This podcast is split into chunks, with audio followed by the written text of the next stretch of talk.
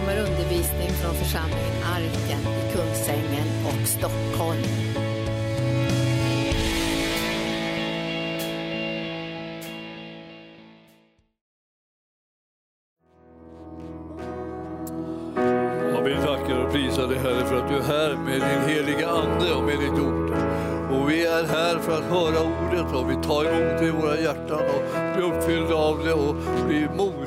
Att följa det som du talar till oss och göra det som du har planerat för våra liv. Vi överlåter oss till dig Herre och vi förväntar oss underbara ting ifrån dig i Jesu namn. Och församlingen sa Halleluja. Ja, god morgon, god morgon Herrens älskade. Vi har en härlig dag framför oss. Guds ord ska väcka tro i våra hjärtan. Det är ju inte så att eh, eh man bara sitter och sådär för att liksom sitta på ett möte. Utan när ni kommer hit så kommer ni med en förväntan. Alltså att Herren ska verkligen tala till er, att ni ska bli, eh, få klarhet om saker och ting. Att ni ska få mod att vara de som Herren vill att ni ska vara och göra det som Herren har kallat er till. Och ingenting ska vara omöjligt för er. Det är sådana där ord som man delar med sig av. Och då, då kanske du säger, ja men vem säger han det till? Dig förstås. Ingenting ska vara omöjligt för dig. Ryck till det ordet. Liksom, låt inte det liksom, ja, det är nog för de andra. Liksom. Men det är det för dig. Och när du liksom på det här sättet förhåller dig som en mottagare av det som Gud delar ut och det som han säger, som alltså övergår ditt förstånd och tycker är orimligt gott och så där, så är det till dig. Så det är bara att ta det. Och det är därför så vill jag vi ska säga någonting om Guds ordet. Vilken fantastisk kraft det är till att förändra och förvandla människors livssituation. Vi, vi, vi, vi kommer i så många utmaningar i livet och, och det är liksom ett kapitel liksom för sig. Men sen är det så att det, det kommer så många lösningar också. Och det är mycket bättre att fundera på dem och tänka på dem än att man tänker på det som är själva problemen.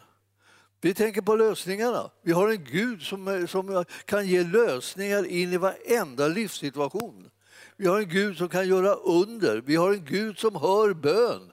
Vi har en Gud som har en oändlig kraft och kan ha oändliga resurser och möjligheter och han vill dela med sig av det. Så att vi, vi har ju de bästa av odds egentligen och när vi tänker efter. Det är ju liksom ibland svårt, vi tänker ja men Ja, det, vi tycker inte vi ser att det liksom blir riktigt som vi, vi hade hoppats och tänkt. och så där. Men ni förstår att det, det, det, är ordets kraft som ska vara verksamt in i ditt och mitt liv för att väcka en tro som blir en mottagare av det som är utlovat. Och därför så ska vi ta och titta här i Hebreerbrevet. Vi ska utgå från en jättekänd vers i Hebreerbrevet. Och det, det är 4 eh, eh, och 12. 4 och 12 i Hebreerbrevet, kapitel 4, vers 12. Den här versen där liksom, den säger någonting om vad Guds ord är för någonting och hur, det, hur Guds ord verkar. Det påverkar varenda människas liv som hör det. Så man, man ska, det man gör är att man bestämmer sig för att man ska höra det. Och så småningom så kanske man också tänker så här, jag till och med ska be Gud att han ger mig hörande öron så att det liksom öppnar sig, så att ordet kommer in och eh, eh, är välkommet in i mitt liv för att sätta sin prägel på mig. För det här är, det ordet är, kommer från himlen. De här sakerna som kommer från himlen, det är de vi behöver. Vi behöver inte liksom bara ha jordiska begränsningar och, och, och, liksom, och dåliga erfarenheter och, och eh, fruktans eh, fantasier om framtiden och sånt. Vi behöver inte det. Vi behöver ordet ifrån himlen. Det är det som väcker tro och det är det som gör skillnad. Och när man kommer på det så säger man gode Gud hjälp mig att ta emot det ordet. Jag vill ha det så att det svämmar över i mitt liv. Liksom. Jag vill bli upptagen av det så jag inte kommer på att tänka på något elände. Tänk dig det. Om det skulle hända, vi, vi liksom kan inte komma på vad det som var eländigt nu då. Eh, eh, vi, vi, har liksom, vi är fulla av det här andra, med lösningarna, kraften, hjälpen, härligheten liksom, och glädjen och kärleken och allt det här som kommer från himlen. Vi är fyllda av det istället. Då tänker man så här, vad var, vad var det för problem jag hade? Jag kommer inte ihåg det. Och, det, och då är inte det bara ett ålderstecken utan det är liksom ett sundhetstecken. Alltså. För att det, du har blivit full med någonting annat och så har du inte, har du inte plats för, några, för de här andra problemen, vad det nu var för någonting. Och då eh, läser vi här att eh, Guds ord är levande och det är verksamt. Det är skarpare än något tvegat svärd och det tränger igenom så att det skiljer själ och ande, led och mig och det är domare över hjärtats uppsåt och tankar. Fick du veta någonting väldigt väsentligt om hur, hur Guds ord är och hur det verkar. Då. Och det är alltså att det är levande, det är liksom ingen död ord. Det är inte någon, liksom bara någonting, ett ord som står där någonstans som, man, som inte påverkar en, som inte, som inte tar en i anspråk så att säga. Utan Guds ordet är ett levande ord och så är det påverkande så att det är så verksamt så att det förvandlar ditt liv. Det, det är det där ordet vi behöver. Vi behöver nämligen hjälp och få leva ett liv som är värdigt Herren. Eh, eh, hjälp och kraft kan vi säga för att kunna göra Jesu gärningar i den här världen. För han är den som gör goda gärningar, han är den som frälser människor. Han är den som helar dem och befriar dem och upprättar dem. Han är den som förmår att ge människor som tro så att de övervinner omständigheterna.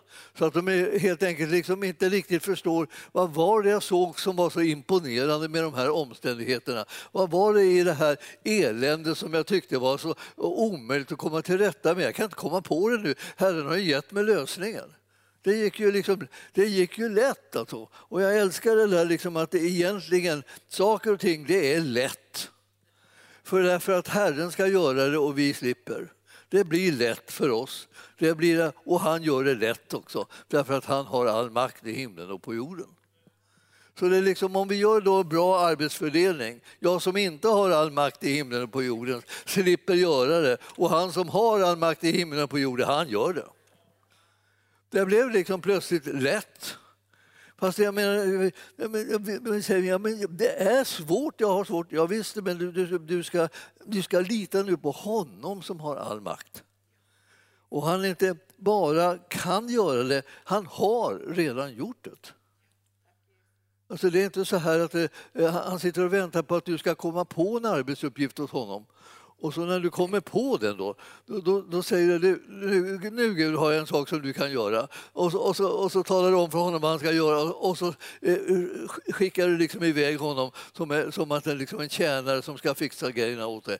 Och så, och så kommer han tillbaka, nu har jag gjort det. Ja, bra, nu har jag en annan, en annan uppdrag och så skickar han iväg honom igen. Nej, det, det är inte alls på det sättet. Det, det, det är han.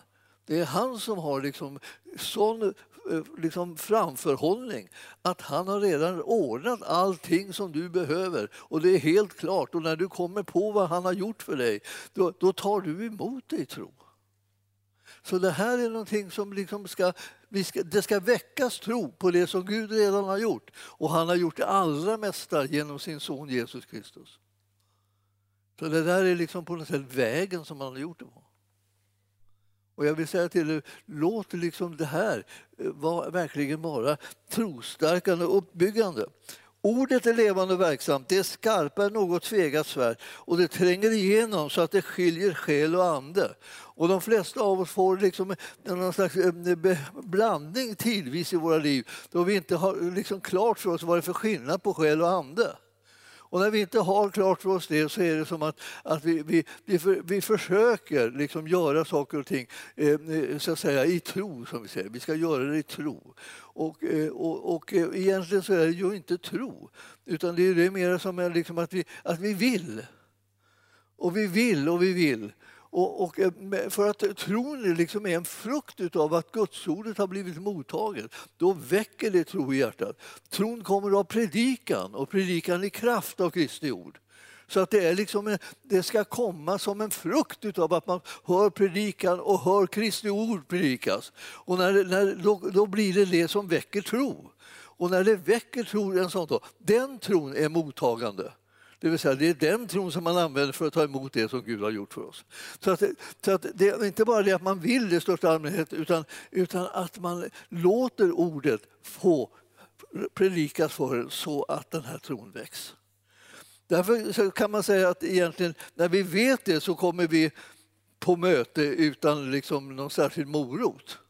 Vi behöver inte liksom någon särskilt lock, eh, lockmedel. Så här. Kom på mötet, vi ska sjunga väldigt fina smäktande sånger. Och så här. Eller, eller kom på mötet, predikanten är fruktansvärt bra. Eh, du, har, verkligen, du får inte missa det som kom på mötet. Utan du, du är helt enkelt hungrar efter det här.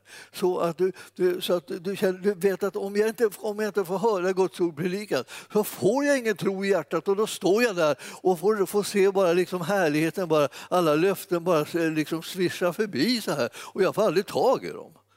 Meningen är att du ska få tag i dem. Han försöker få dig liksom att ta emot dem. Och, och det får han, det, är därför så predikar han så här, som jag håller på för att få ta emot, ta emot, ta emot. Ta emot. Och, och, och, då tänker jag så här, oh, jag kanske ska ta emot, hur ska jag göra för att ta emot det? Ja, det är så komplicerat. Jag, jag, jag, jag vet inte. Det, det är egentligen lätt att ta emot när man ser att någonting redan är givet och sträcks fram till den. Jag menar, nu har någon lagt en, en tablettask här, det är kärleksfullt och fint. Det är förmodligen en gåva till mig. och därför så, så, så, tar jag liksom, eh, utan liksom att blinka liksom, tar jag emot det här. Det var någon som gav den till mig genom att lägga den här. Och, och eh, det blev inget problem för mig att ta en tablett. Eller alltså, hur? Jag kom på att någon hade gett den och jag tog emot den och stoppade på i den så här bara. Ja, jag skulle kunna göra flera gånger så här. Därför att den, hela asken var given. Men just nu så räcker det med en. Och så. Men det är alltså, Herrens löften är oändliga, outsinliga. Så att du och jag som behöver det som han ger och lovar, liksom, vi kan ta emot det. Och den där dagen som det, vi kommer på det, ni märkte det att det, när jag gick fram här så, så lade jag inte märke till den här faktiskt särskilt. Utan jag gjorde annat, men så plötsligt så kände jag ett visst behov av den och så råkade jag skymta den där i hörnet där. Och då sa jag, där har vi det som är svaret och det är säkert till mig. Och så tog jag det. Innan dess, det var till mig, men jag gick bara här och hade liksom behovet av det. Jag fick inte in det i munnen genom att jag hade behov av det. Eller hur? Och du fick inte det som du har behovet av från Herren fastän du hade behovet av det. Och ibland säger du så här, jag har sådana oerhörda behov. Herre, jag, är så jag, jag kan inte, jag måste ha det, jag måste ha det, jag måste ha det, jag måste ha det. Och så här. Ja, ja, och, och då kan man konstatera, ja du har behoven. Det är bra. Det är en av sakerna som behövs. Men för att du ska ta emot det som redan är givet, som ska möta ditt behov, så behöver du ha tro på det. Och när du har tro på det, tar du emot det. Och då tänker man, milde tid, hur gör man för att ta emot det? För det är ju det som är, då tänker man bara, säg inte bara ta emot det för då smockar jag till det. Liksom. Här, jag, här har man försökt, jag tar emot, jag tar emot, jag tar emot och så. Och så. Men du förstår att det, det är en frukt av det verk som ordet gör i ditt liv. Och man kan tänka, ja men, ja men gör det då, ordet gör det, gör det. Och så, ja men det står så alltså, att tron kommer av predikan och predikan i kraft av Kristi ord. Och här stod det liksom att ordet som då predikas, det är levande och verksamt och det är skarpare något tveksvärt. Det tränger igenom så att det skiljer mellan själ och ande. Så att det skiljer mellan att du önskar någonting och att du tror någonting. Själ, i, I det här själsliga så, så går du omkring och önskar saker. Men när du kommer till det andliga så behöver du tro. Och det är tron som kommer av predikan och predikan av Kristi ord. Alltså. Så jag känner liksom ibland att det, åh, jag tänker, varför hakar man upp sig så att säga, på det som inte fungerar? är liksom en, en verklig, det är en tanke här som man behöver ha. Det, är liksom, det blir någon slags sorgligt över det. Vi, vi, vi, vi, vi vill så mycket, vi, vi har hört så mycket. Men vi, när, vi, när det är så, så tänker vi vi ska önska det eller vi ska, vi ska be om det. Eller, och, och så där. Vi gör de liksom rent tekniska grejerna, men vi låter inte ordet verka så att det väcker en levande tro som kan ta emot det som vi, som vi hör och Herren utlovar. Och han behöver därför tala till hörande öron. Alltså, när, ni som har öron, hör vad Herren säger till församlingen. Står det där i Uppenbarelseboken. Hör vad Herren säger till församlingen. Ja, men jag hör ju, liksom, jag hör ju vad du säger. Liksom. Ja, men nu skulle du höra det med, med tro. Alltså. Och då tänker man så här, vad ska jag göra åt mig själv när jag tänker så här, vad är det, fattas det tro nu också? Jag trodde att jag trodde. Och man, man försöker tänka, och jag har försökt att tro så, tro och tro hela tiden. Men, men tron är en frukt av att du hör ordet predikas för dig.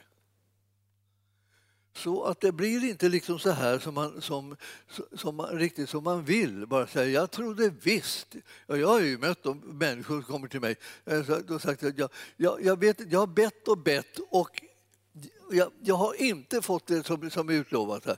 Eh, jag, man måste, du måste ha tro för det. Jag har visst haft tro, säger de då. Men, men, det är ju liksom inte riktigt ett diskussionsämne, liksom, utan det är mer liksom ett, en fråga om var är frukten? Trons frukt. Ja, när, när tron är där så bär den en viss frukt. Nämligen att vi får det som är utlovat. Det som Herren har sagt till oss. Det är det som är frukten. Det är tecknet på att vi har haft någon tro. Annars är det så kan man säga att vi, vi har velat ha tro. Vi har, vi, har, vi har önskat att vi ska få det som vi, som vi har bett om. Och allt Men, men tron, det, det är en övertygelse om ting som man inte ser. Och mildetid, det blir ännu mer komplicerat. Va? nu, ska man, nu ska man övertyga nu om det som man inte ser. Och den här Thomas, ni vet, eh, han som har fått namnet Tvivlaren då. Han hade, ju bara, han hade kan man säga, bara ett problem. Och det var det att han, han tyckte inte att det, det lät troligt att Jesus hade uppstått ifrån de döda. Det verkar orimligt, tyckte han. Så hans eh, uppfattning var att det här går inte att eh, liksom omfatta i tro om jag inte får sticka fingrarna liksom i såren och känna att det verkligen är så. Det är han och ingen annan så. Så det var liksom hans sätt. Då. Det här står i Johannes 20. Om, om det nu var på det här viset liksom, som han ville så, eh, så var det att Herren skulle möta hans själs begär att få en rimlig förklaring på hur han kunde uppstå från de döda. Det får inte vara något under, det måste vara vettigt. Hur kommer det sig att han uppstår från de döda? Eh, förklara det för mig så ska jag tro det, säger han då. Men det, vad han får för resultat om de skulle förklara det var inte att, de tro, att han trodde det utan det var bara då, då tyckte han att alla fakta var inne och han kunde godkänna liksom själva saken. Men det handlar inte om att söka ett godkännande av saken utan det handlar eh, en utmaning för honom att han skulle tro på det som han inte hade sett. Det svårigheten var ju, liksom, och kanske ibland tycker man nästan orättvisan var ju det, att de andra lärjungarna har ju sett Jesus uppstånden. Så, så de sa, han är uppstånden, halleluja, sa de då. Och han hade inte sett honom uppstånden och, och eh, då skulle tro på det. Och när, när han mötte Jesus som uppstånden, då, han visade sig för honom, eh, så sa han det, liksom, salig är den så alltså, som inte ser och dock tror. Så du och jag har en chans på salighet. Ja. Att inte se och dock tro. Det är det där som man står inför. Därför, för att innan, innan det här bär frukt, så att säga. Innan det blir synligt så måste det vara ett mottag i tro när det är osynligt. Så om du och jag tänker Vad gör, vi, vad gör man nu då? Säg vad man gör. Säg vad man gör. Vad man gör ja. Jo, man låter liksom ordet påverka sig så mycket så länge att det bryter ner alla invändningar så att man börjar känna att nu är, har börjat det landa det här ordet i mitt hjärta och inte bara någonting som jag brottas med i själen. Jag ska försöka förstå hur det här ska hänga ihop. Utan det landar i mitt hjärta och när det landar i mitt hjärta så väcker det en tro. Det blir en frukt av det, av dess närvaro. Och det här känner jag, om vi börjar, börjar få dit ordet igen där det hör hemma och inte ligga där, låta ligga, ligga där och skvalpa i själen om vi säger så här. Och det som är, i sinnet, vi ska räkna ut saker och ting, vi ska förstå hur det är, hur det är med det, förstå, förstå, förstå. Och det, det är inte genom att förstå som man, som man möter det här behovet utan som, som Gud vill, mätt, eh, vill mätta, utan det är genom att man tror det. Och därför så är det här A och O att vi får tag i ordet och låter det komma ner i hjärtat. Vi får bedja om gode Gud, låt, låt eh, uppenbarelsen av ordets sanning komma ner i mitt hjärta så att det väcker en levande tro. Ni förstår att det här, det här vill Herren. Och när du vill detsamma och arbetar med ordet så att det ska in i hjärtat och inte fastna i skallen så kommer det här att tillsammans med honom bli en verklighet. Alltså, det är inte så att det är omöjligt. Hur länge ska man hålla på? Hur lång tid ska det ta? Så här, frågar vi ibland. Strunt du i det, för det här är, du får inga sådana typer av svar. Utan vad det är, är vägen går till, via hjärtat. Ordet in i hjärtat som väcker tro. Och när du har den tron kan du ta emot det som Herren har utlovat. Ja, och då såg det, man måste kunna skilja på själ och ande. Alltså människans ande, människans innersta och djupaste plats. Där, där, där Herrens ande också flyttar in och bor. Där, där, där ordet går in för att väcka tro och lever i ens inre. Då har man en massa säga, tankar och idéer som surrar omkring i skallen men sen har man en, liksom en annan typ av uppfattning och, och övertygelse som ligger i hjärtat. Och det har man samtidigt. Man behöver inte bli, man behöver inte bli korkad för att kunna liksom bli en troende. Utan man kan, man kan mycket väl liksom fortfarande använda skallen, men inte att tro med. Alltså, så sluta tro med huvudet. För det, är, det leder ingenstans. Utan, ah, ni ska tro utifrån ett hjärta, i er ande alltså. Ska ni tro på det som ordet säger. Och då eh, så låter vi det här med, med huvudet liksom sköta andra grejer. Om du undrar, som vi brukar säga, om du undrar vilken buss du ska ta, titta på tabellen. Fråga inte Gud så han ska uppenbara vilken buss, vilken buss, vilken buss och så kommer en buss och säger åh, jag känner ledningen ta den här bussen. Eh, vad är strunt i det? Alltså, vart ska du? Och läs på tabellen. Va? Så gör man när, man när man ska åka buss, om någon undrar. Eh, många av oss har varit med om sådär. Liksom, det har varit vartåt blåser där, så ska man iväg någonstans. Och jag, jag hade en broder här som för, för många år sedan, han, han, han var väldigt ivrig va? Så, och så skulle han iväg eh, och, och eh, vittna och så undrade han vilket håll ska jag gå och så, då kände han ledningen att gå till något håll och, sen, och så plötsligt så stannade han vid, vid en grind där och tänkte ja, oh, jag känner ledningen att gå in här. gick han in där och så satt en tant i, i, där och drack kaffe i, i trädgården. Eh, hon sa, jaha, vem är du och vad vill du? Eh, ja, jag vet inte riktigt. Jag, jag känner att bara Gud ledde mig hit, sa han då. Hon började bli väldigt nervös och kände att jag måste försöka lirka ut den här, den här knäppisen ur min trädgård. Så, va? Alltså, den där ledningen var, liksom, det var, den var ett fiasko. Va? Så småningom så fick hon bara säga till dem på skarpen, nu får du gå härifrån. Jag förstår inte vad du håller på med och, och det verkar inte du förstå heller, sa jag.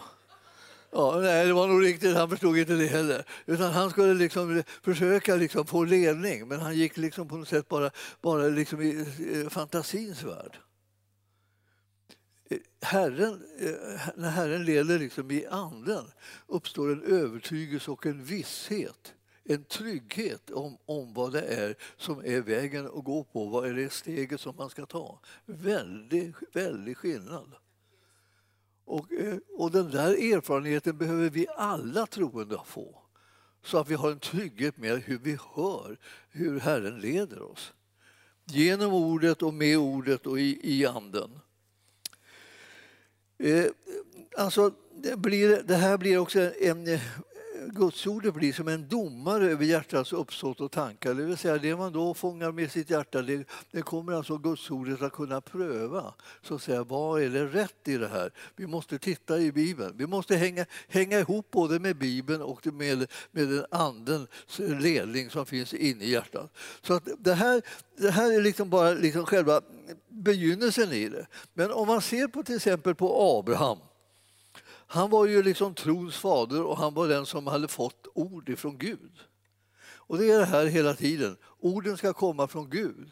Thomas hade inte fått något särskilt ord ifrån Gud. Han bara satt där liksom och eh, skulle invända mot det. Och, man tänker, och I våra dagar när, när liksom folk nästan alltid som, som har gått igenom skolsystemet eh, har lärt sig hur, hur man tänker ut invändningar till allting som sägs. Det är liksom ganska dålig hjälp i livet att bara tänka ut invändningar. Man behöver faktiskt också tänka på hur kan jag ta emot det som sägs och få tro på det. Särskilt om det kommer från Gudsordet. Eller hur kan jag pröva om det kommer från Gudsordet istället för att jag, jag söker sanningen istället för att jag hittar på någon invändning mot det som är sagt. Det är viktigt. Vi får, liksom en, vi får en, liksom en, annars ett folk som bara bromsar överallt. Överallt så ska de hitta på någonting som man kan invända. Hitta på något som du kan hålla med om. Då. Tänk ut någonting positivt liksom, som, som Herren kan ha menat och velat med, med de här sakerna eh, som du står i. Eh, sök hans vilja i ordet. Och när det kommer från himlen då blir det en väldig skillnad. Och jag vill att vi ska ta en, en titt på ett, ett, ett ett, bibelställe. Abraham pratar vi om, det är Romarbrevet 4. Och, och i Romarbrevet 4 där får man verkligen liksom eh, se på en som, som vandrade i sån oerhörd tro och övertygelse genom de mest hopplösa omständigheter. Det blev till slut så hopplöst jobbigt. Han höll ju på hela livet. Till slut var han uppe alltså i hundra års ålder. Och han hade fortfarande inte sett det som han hade fått utlovat. Man kan säga det, han kanske hörde fel, kanske inte var någonting. Han, han haft massor med tillfällen att liksom bara slänga allt på, liksom, på, på hyllan och, liksom och säga att jag, jag ger upp. Alltså, här har jag hållit på nu i 50 år, 60 år, nu är jag uppe i 90 års ålder. Jag har fortfarande inte blivit någon fader till många folk. Vad är det för, för idé med det här? Nu det går det inte längre heller. Men för nu var han liksom, när man börjar tänka de här Thomas-tankarna så kan man bara säga alltså, när man kommer i den här åldern då kan man inte få några barn. Så det, är liksom, det här är bara slut. Och hans fru var kring liksom 90, alltså. Ja, lite, lite yngre då. Lite piggare kanske. Om man ska våga sig på den beskrivningen på, en 90-åring, att de är särdeles pigga. Men i alla fall, där var de alltså. Och i och med att de tittade, så tittade på omständigheten så var det, var det absolut kört. Men han kom istället att utvecklas åt ett annat håll. Och jag vill rekommendera det här hållet. Alltså, alltså när tiden gick, va, så, så småningom så litar han mindre och mindre på sig själv och att han skulle kunna klara upp det här. Alltså, hans hans liksom, tankar kring det här, jag, jag, jag fixar det på något sätt, de börjar liksom ras, raseras. Han, han släppte det ena efter det andra. Han har prövat alla möjliga dumma idéer som han, som han hade fått för att han skulle lösa det här. Men eh, till slut så var det bara så här, ja, nu, nu bara trodde han i alla fall, trots alla situationer som var, trots allt som talade emot det, så, så höll han fast i tro på det som Gud hade lovat. Det där, det där är ju imponerande. Alltså, där, när står det 4 och 18 i, i, i Romarbrevet, 4 och 18 står det. Där, där allt hopp var ute eh, hoppades han att, det skulle, att han skulle bli en fader till många folk. Eh, som det var sagt nämligen, så talrika ska dina efterkommande bli. Och han sviktade inte i tron då han tänkte på att hans egen kropp saknade livskraft. Han var då omkring hundra år och att Saras moderliv var dött. Han tvivlade inte i otro på Guds löfte utan blev istället starkare i tron och gav Gud äran. Eh, vilken, vilken, vilken utveckling alltså! Eh, de flesta av oss hamnar i andras eh, riket, så att säga. Eh, vi blir inte starkare i tron, vi blir allt svagare i tron. Till slut så struntar vi i hela projektet. För att, har man blivit nära hundra och ska bli en fader till många folk, då känner man ju på något sätt att det här är kört. Och, och, och då är det bra att veta det är inte det som ska avgöra hur vi ska förhålla oss, om det, om det verkar kört. För det är många saker som, som, som Gud eh, initierar som verkar körda. Det, det, det, går inte. Alltså. Det kan inte. fatta inte hur det ska kunna gå. Ja, vad skönt att du slipper fatta det. då. Det var skönt att det, liksom, det här ligger liksom på trosplanet, nämligen det har kommit ett ord från himlen om att han skulle bli en fader till många folk. Det hade ingenting att göra med om man fattade det, hur det, hur det skulle gå till eller så, eller när det skulle hända. Eller så där. Det spelar ingen roll, därför att Gud har sagt det. Och när det där börjar liksom, liksom verkligen komma ner i hjärteroten hos honom så trodde han ändå och han hoppades ändå, fastän allt hopp var ute och fastän liksom det här med tro liksom inte, inte egentligen var möjligt längre, liksom, i alla fall inte med själen. Men med anden så var det fullkomligt möjligt. Och det där kan du och jag märka ibland att när Herren leder oss och när Herren talar till oss och när han ger oss lösningar och utvägar så kan de komma sådana som du blir tvungen av att liksom koppla bort skallen och sätta tro till Herren i anden eh, på det ord som han har talat. Och om du får tag i det ordet och, så, och, och ger det näring så kommer det en levande tro som gör att du blir mottagare av det som var helt omöjligt. Det övernaturligt blev det givet till dig. Det här, är, det här är så som Herren verkar när vi klarar av att skilja mellan själ och ande. Och han, han förväntar sig att vi ska göra det. Vi ska kunna skilja mellan själ och ande. Och, och, och, ja, och jag vet att många har väldiga problem med det där. Men det har också lite grann, man kan säga, ofta och många gånger eh, har det liksom med ålder att göra också. Det finns ju vissa åldrar som är liksom mera sådär då man tycker att man är, man är, man är så smart så att man eh, klarar inte av att liksom vara ledd av anden utan man liksom, det ska, allting ska liksom godkännas upp i skallen, alltså, annars är det inte okej. Okay. Så man prövar allting upp i huvudet. Men man ska pröva det mot Guds ord. Men, men, men det är en sån period som man har i livet och en del har många och långa såna perioder. Och eh, eh, det blir en väldig lättnad när man släpper det, den typen av beteende. För det är inte det som är vägen. Det här är en andlig fråga. Och nu består vi ju bara och består vi av kropp, själ och ande. Och därför så behöver man veta vad använder man det ena till, vad använder man det andra till, vad använder man det tredje till. Så att man inte mixar dem för mycket för då kommer man inte fram. Och här, när vi läser om, om Abraham så var det till slut att han, han, han kunde han kunde liksom låta bli att tvivla i otro på Guds löfte. Och han blev istället starkare i tron och gav Gud äran han kom därhen att han vågade sig på liksom att förtrösta på Gud. Jag, jag ska säga det, man, man blir så avundsam när man tänker vilka fruktansvärda odds som talade emot det som Gud hade sagt, han, som han hade där. Och han ändå så lyckades han hålla fast vid det som var Guds löfte. Ja, eh, det här är, det här är liksom en, en, ett sånt inspirerande exempel.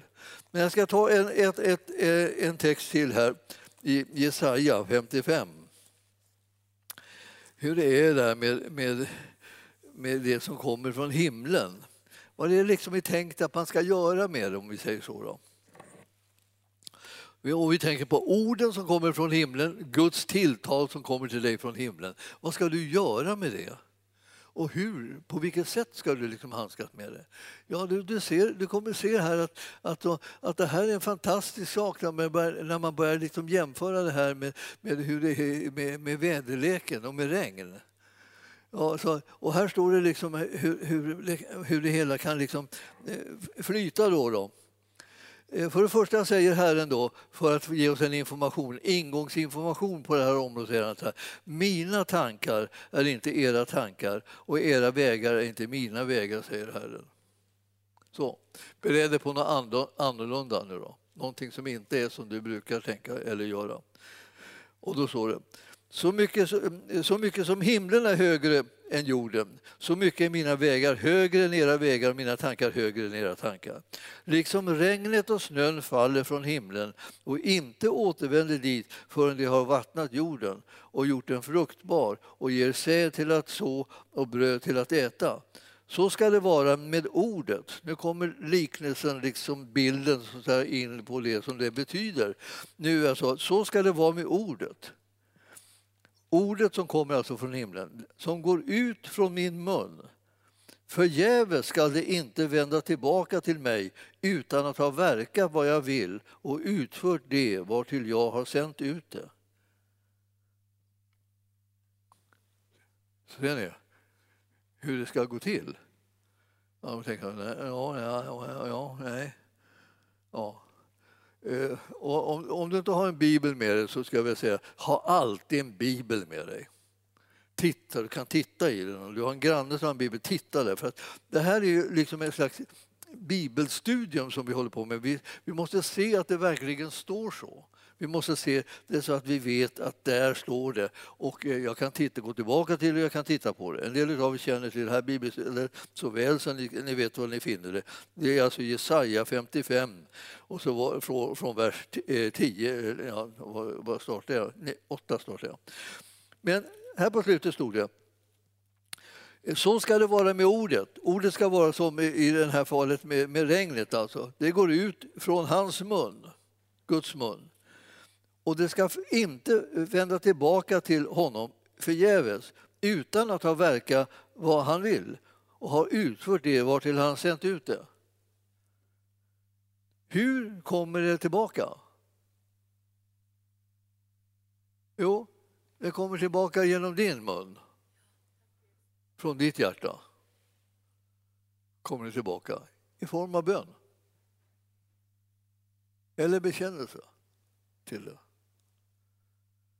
Så när du öppnar din mun och reagerar på det som Gud har talat till dig från himlen som har kommit in i ditt hjärta så sänder du tillbaka det till honom med en bön i tro på att det som han har utlovat i det här ordet ska bli verklighet i ditt liv. Då är det liksom fullbordat så att säga. Det kom ner, det gjorde sitt verk, det väckte tro och det sändes tillbaka till himlen. Om man inte sänder tillbaka det i tro blir det bara liggande här och ingenting händer. För Herren vill ge bönesvar, men bönesvaret tas emot i tro.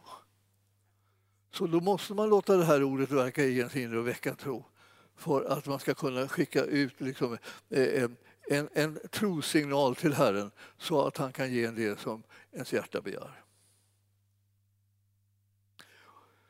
Jag, jag blir, eh, jag blir så otroligt tilltalad av det här, det här bibelstället för, alltså, för att det här är kommunikationen mellan dig och Gud. Det här är inte liksom en chansning utan det här är så här, så här man, går, så man går tillväga kan man säga.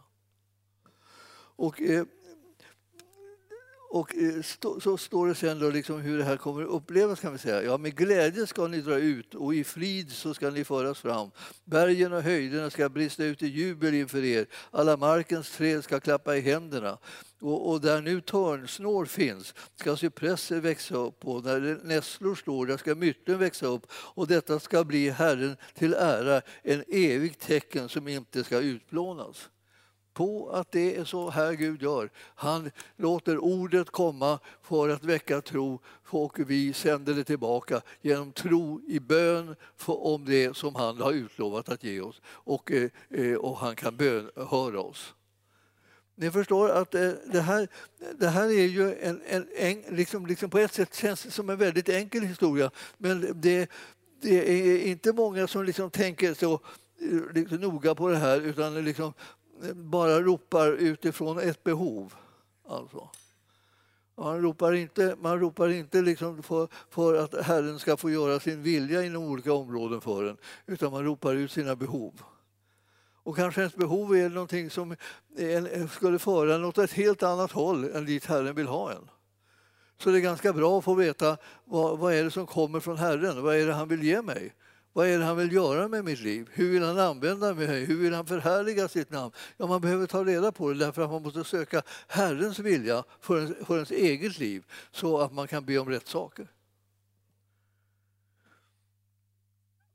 En, ett, ett, ett, ännu ett bibelställe vill jag att vi ska ta och titta på och det är från Markus 11.23. Det är det där som är väldigt, blev väldigt världsberömt ett tag här Eh, under trosväckelsens eh, begynnelse. Markus 11, 23. Det var liksom på något sätt eh, huvud, huvudordet som man, som, som man memorerade och memorerade och memorerade.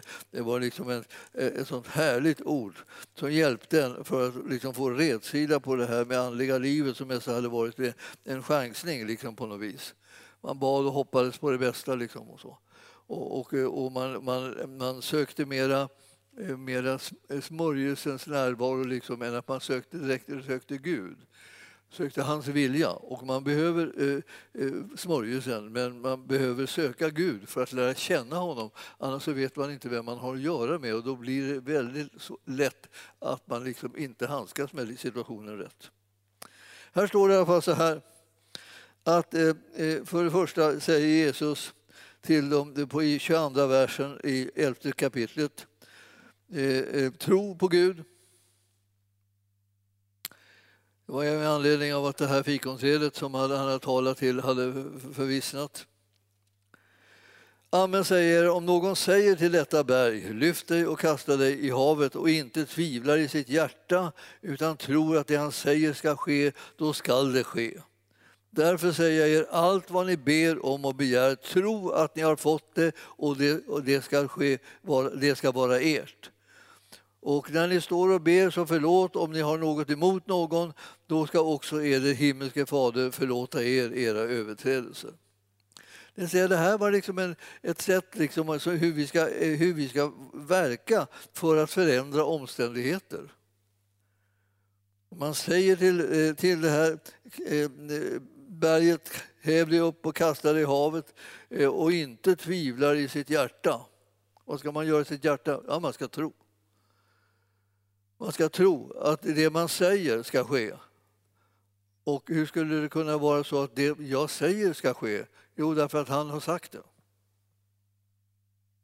Ja, jag vet att han har sagt det, att han har lovat det. Därför så kan jag också säga det här. Och Det behöver inte vara detaljerat, utan det är en mandat som han har gett mig också. Att tala till omständigheterna. Ni vet, det är någonting som man ska göra när man är ensam. Eh, annars kan liksom folk bli oroliga runt omkring när man börjar tala till omständigheterna. Man tror att det är fullkomligt omöjligt att göra det liksom, och, vara, och vara vid liksom, sunda vätskor samtidigt. Utan det verkar helt förvirrat att tala till omständigheterna för, för de icke troende kan man säga. Men, men vi som tror behöver veta att vi har fått ett mandat att tala till omständigheterna. Det betyder inte att vi, vi pratar till människor utan vi pratar till omständigheter. Människor är inte omständigheter, även om de kan ställa till i omständigheterna så är, är, det inte dem vi pratar till. Vi håller inte på liksom att binda människor. Var och en har fullt upp att liksom sköta sitt eget liv på det viset. Men det här att alltså, ni ska säga, eh, tro, det, eh, utan eh, ni ska tro att det som du säger ska ske, då skall det ske.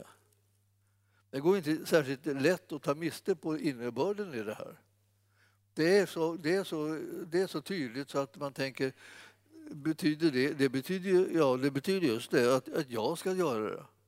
Att jag kan göra det. Att jag kan tala till omständigheterna.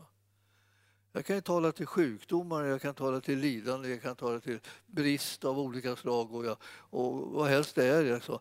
Jag kan tala till olika typer av hinder som uppstår på vägen där, där jag ska gå fram för att känna Herren. Jag kan tala till de omständigheterna i namnet Jesus. Och det kommer att ske när vi gör det i tro.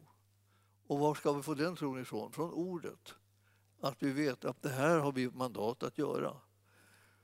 Och jag tänker att Guds folk skulle behöva använda sig av det här mandatet mer för att liksom förvandla och förändra omständigheterna istället för att bara bli överkörda av dem. Vi kan inte, de försvinner inte av att vi klagar över dem eller, eller liksom knotar och så eller, eller blir uppgivna och ledsna på omständigheterna. Utan de, de försvinner när vi tar, tar vara på mandatet och talar till omständigheterna i namnet Jesus. Och ni tänker så här, ja men det här är nog i, i radikalaste laget för mig tänker du så här, så här, så här kan inte jag leva. Vågar inte leva så, då blir det jätte, jättejobbigt. Liksom så här. Då kan jag säga det, det då, då, du behöver förstå att kristendom är en övernaturlig tro. Och det är en tro som handlar om Gud och dig. Och när du kommer in i kontakten med honom så får du, kommer du in i det övernaturliga livet, hela skeendet som är där. Och Herren, för Herren är ingenting omöjligt. Och han är inte heller omöjligt för honom att använda dig om du tänker att det skulle vara den största svårigheten han har.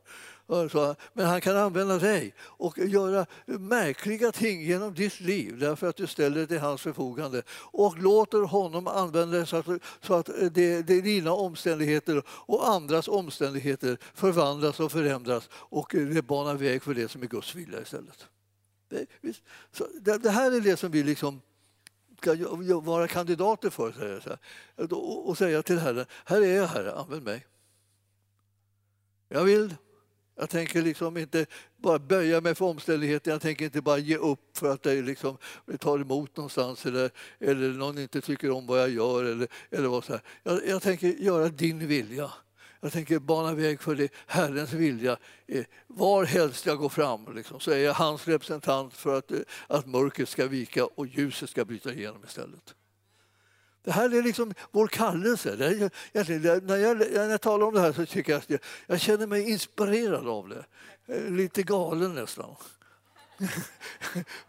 för att jag tycker då, wow, vad vi ska kunna göra liksom för att förändra de här omständigheterna. Vi ska, det är Guds vilja som ska ske ibland oss, inte någonting annat. Det ska inte vara någon slags konstig liksom, uppgivenhet bland Guds folk. Det ska vara iver. Vi, vi, vi ber inte i fruktan över att det, åh så det är i landet. Jag kan väl säga det att jag, jag, jag, är inte liksom någon anhängare av att be liksom eh, fruktansböner om att det är så eländigt i landet. Jag, vill säga, jag vill be trosböner på eh, vilken fantastisk Herre vi har och vi tjänar honom i det här landet. Och ju mer vi tjänar honom desto mer utbrett hans rike helt enkelt. Det är det som jag tror ger någonting och blir någonting helt enkelt. Eh, så att man, ja. Jag ska, jag, jag, vi ska se om jag hade, hade det där ordet. Ja. Ehm, mm, jag ska titta om det var, om det var nyttigt. ja, för oss just nu, liksom, om du hade liksom med saken att göra. Där. Jag skrev upp ett ord där bara. Jag kommer inte ihåg vad det, vad det hade. Jo då, det går vägen. Johannes evangelium 15 och 16. Här var en påminnelse om liksom relationen mellan dig och mig och Gud. Så Jag vet inte, det behöver man påminna om ibland. Så Det är lätt att man får för sig liksom att det är eh, Gud som man ska skicka hit och dit. Eh, eh, men det är du som ska skickas hit och dit. Och jag, va? Det, är han som, han, det är han som är Herren och det är vi som är tjänarna här. Nå, så här står det. Eh, för, för säkerhets skull så förstår vi det här liksom nu utifrån den här 16 versen i 15 kapitlet i Johannes evangelium. Ni har inte utvalt mig, utan jag har utvalt er och bestämt om er att ni ska gå ut och bära frukt, sådan frukt som består, för att Fadern må ge er vad ni än ber honom om i mitt namn. Vad sägs? Var, var, var, det tillräckligt bra? Eller liksom, kan, kan ni på något sätt eh, eh trumf, övertrumfa det? Knappast. Alltså. Alltså, det, det, här är ju eh, fantastiskt helt enkelt. Vi ska gå ut och bära frukt, en sån frukt som består ska vi bära. Och sen ska, ska Fadern ge oss vad vi än ber honom om i Jesu namn. Hur tror du det går med bönelivet när du kommer ihåg en sån här sak? Istället för att du ligger liksom och tigger och jamar och ylar så, så, kommer, du, så kommer du be med frimodighet bara. Tack Jesus det här för jag, jag ber om det här. Jag vet att du har lovat det. Jag vet vad det står. Och så ber jag utifrån det. det blir en helt annan, liten, liten annan ton i källan, så att säga. Ton i källan, det var ju länge sedan jag sa måste jag säga. Jag kanske inte har sagt det hela mitt liv. ja. Det är väl en sån där grej som kon har runt halsen, va? Ja. Va? Ska vi be? vi ber med tack. Lina informerar att vi ber med tack. Här nu. nu ska vi se. Alltså, och sen eh, till råga på allt det här så är det ju liksom det som är så härligt också som kan man säga är en slags uppdrag som vi får med en enda gång. Eh, och det befaller jag er, säger han, Jesus alltså, att ni ska älska varandra. Så mitt i det här så blir det inte liksom rum för liksom bara någon slags självisk bedjande hit och dit utan ni, ni, vi kallar det att älska varandra. Så när vi ser varandra. Jag kommer ihåg när jag, när, jag insåg att jag hade förlorat eh, ett, ett antal förebedjare. Alltså, alltså människor som bad för mig. Man vill, man vill gärna att några människor ber för en. Och så hade de gått hem till Herren, då, den ena efter den andra. Jag tror inte de sitter uppe i himlen och ägnar sig åt liksom bön, bön för allt kämpigt som är här på jorden, utan det, är liksom, det sköts på andra sätt. Men, men när de är här på, på jorden så, så, så, lyfter man upp varandra i bön. Och när jag märkte att jag hade liksom, flera stycken hade gått hem till Herren tänkte jag, vad, vad har jag för liksom förebilder kvar? Liksom? Jag tänkte jag, finns det några? Jag tyckte att det kändes liksom lite kyligt plötsligt. Men, men det var det var det här att jag, upp, jag upptäckte liksom att det var, det var någonting som jag behövde. Jag ville, jag ville liksom också veta om det, var, att, att, att, att det fanns människor som brydde sig om att hålla upp mig i bön. Och eh, precis som, som jag själv vill vara en sån som gör det, håller upp andra i bön. Ni förstår att kärlek kommer av det här att man gör såna här saker mot varandra. Det är inte så här, nu ska vi älska varandra och så tänker man jag försöker, försöker liksom klämma ur mig lite, lite, lite kärlek. Det behövs inte. Du kan bara sätta igång och be för dem. Att det ska gå väl för dem och välsigna dem. och Så, där. så kommer du liksom på något sätt bli, bli så intresserad spontant liksom och du börjar känna kärlek till dem och du vill dem väl och du talar gott om dem och du håller på. Så småningom så är, så är, det, så är du en stor välsignelse in i deras liv. Och de blir en välsignelse för dig för du kommer ut ur den här möjligheten att du bara ska se liksom deras brister för du är deras förebedjare. Du ber ju för att Herrens vilja och Herrens planer med deras liv ska gå i fullbordan. Det blir en förnyelse liksom i, i, i ens inre. Man blir inte mottaglig för, för mörkrets alla eh, förslag och, och, alla dystra tankar och alla kritiska åsikter och sådär. Utan man liksom blir befriad från det eftersom man håller på att tala ut välsignelser.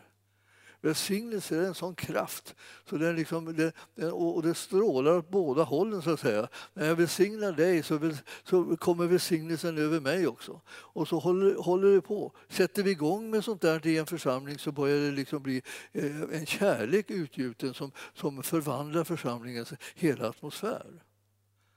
Så jag bara nämner det, många av er är ju naturligtvis förebedjade av bara, av bara farten sedan länge. Men, men, men om du inte har kommit igång med det där, kom igång med det. Du kan ju ta och bedja för någon bara, liksom så att du känner att, det liksom, att du är där i välsignelsebranschen. Ta någon som, är, eh, som du har lite svårt med om det, om det finns någon sån och så välsignar du den. Så fort du kommer att tänka på den så välsignar du den. Så kommer du se att det här kommer att kunna förvandla, förvandla den personens liv och ditt liv. Och, och till slut så liksom är hela problemet borta. Du kommer inte ihåg vad det var som, som, som, som hakar upp sig mellan er. Det här är, vi, vi skapar den miljö som vi lever i genom hur vi beter oss, liksom i, också i bönelivet och välsignelselivet. Himmelske Fader, jag ber att du kommer med din Ande och leder oss och genom ditt ord uppenbarar din vilja och din sanning och väcker tro i våra hjärtan så att vi kan tjäna dig frimodigt. Att det med kraft, Herre, ska kunna genomföra alla de uppdrag som du har och med tro ta emot alla de gåvor som du ger så att vi med frimodighet kan tjäna dig i livets alla förhållanden. Vi tackar dig, Herre, för att vi har fått varandra. Vi tackar för den, den godhet och, och, den kärlek som var och en liksom kommer med till församlingen och välsignar oss andra.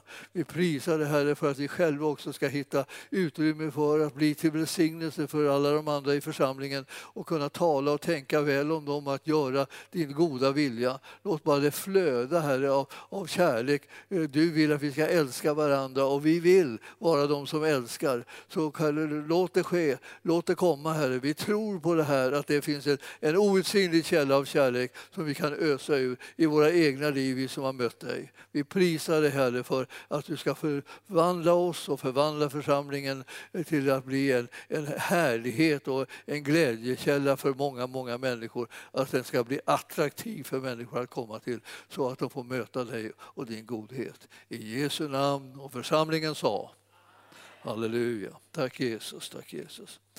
Prisad vare Gud.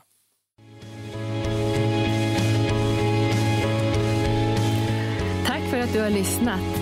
Vill du få del av mer information om församlingen Arken, vår helande tjänst, bibelskola och övriga arbete, gå in på www.arken.org.